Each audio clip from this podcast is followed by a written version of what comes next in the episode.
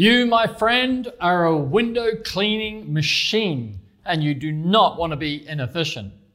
When cleaning windows, you're attached to a water fed pole, and your pole makes a huge difference to your efficiency.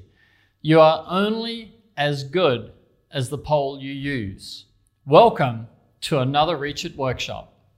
If I asked you to visualize a piston in action, I think you'd immediately think of an internal part of an engine where effort is transferred in a single direction up, down, in, out, over, and over again.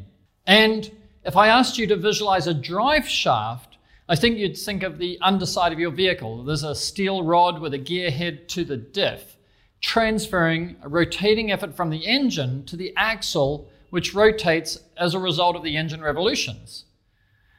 Now, if I asked you what would be the benefits of a flexible piston or a flexible drive shaft, you'd say none. Effort or energy would be lost in the flexibility instead of achieving the maximum power to the target because it's a machine and machines should be efficient. And so it is with you when cleaning windows with your water fed pole. The water-fed pole is effectively a piston between you and your brush. You are the machine, pushing the pole as a piston to the brush, up and down on the glass over and over again. And when you want to swivel the brush to maximize your efficiency, your water-fed pole acts as the drive shaft so you can swivel the brush. Now, if your pole is rigid, the thrust is being transferred directly through the pole to the brush you get maximum results with minimal effort. And when you twist a rigid pole, the brush swivels precisely for your maximum efficiency. Now, if your pole is flexing, some of your effort is lost in the flex. The more the pole flexes, the more effort is lost, and your brush accuracy is much reduced, meaning you take longer to clean every window. This Loss of accuracy becomes a real time loser when you're wanting to place the brush in a certain place on the window, like when cleaning the corners of the windows.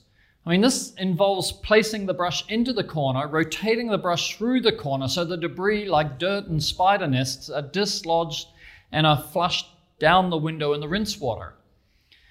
Sometimes a pole is so flexible that we see the operator literally fighting the pole to get it to clean the window. Often in this case, the operator will bash the brush against the window frame like that to get it to stop the brush's sideways movement. This use of the frames as a barrier is just not necessary if you have a rigid pole. So, how does this affect you as a window cleaner? Well, the more your pole flexes, the slower you'll clean. Now, when cleaning at extreme heights, we need even longer poles. The longer your pole, the greater the load on the pole. This load is even like at its greatest when the brush and the pole are coming down the window, and at some point you want to change the brush direction to go up the window. This is when you must have an even more rigid pole made from higher grade materials. But we're going to cover that in another topic. I do want to share an exception when, in my opinion, a flexible pole is actually an asset compared to a rigid pole. It's when you're cleaning the underside surfaces like fascias or ceilings.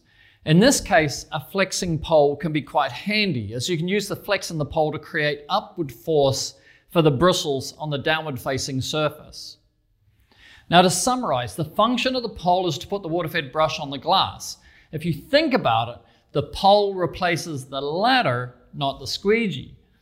The water fed brush is the tool that actually cleans the glass so it delivers the greatest advances in efficiency for a window cleaner. So it's better to have a faster brush on a lower grade pole than a slower brush on a higher grade pole. Either way, you are the machine behind the pole, and with the right tools, you can clean windows even faster.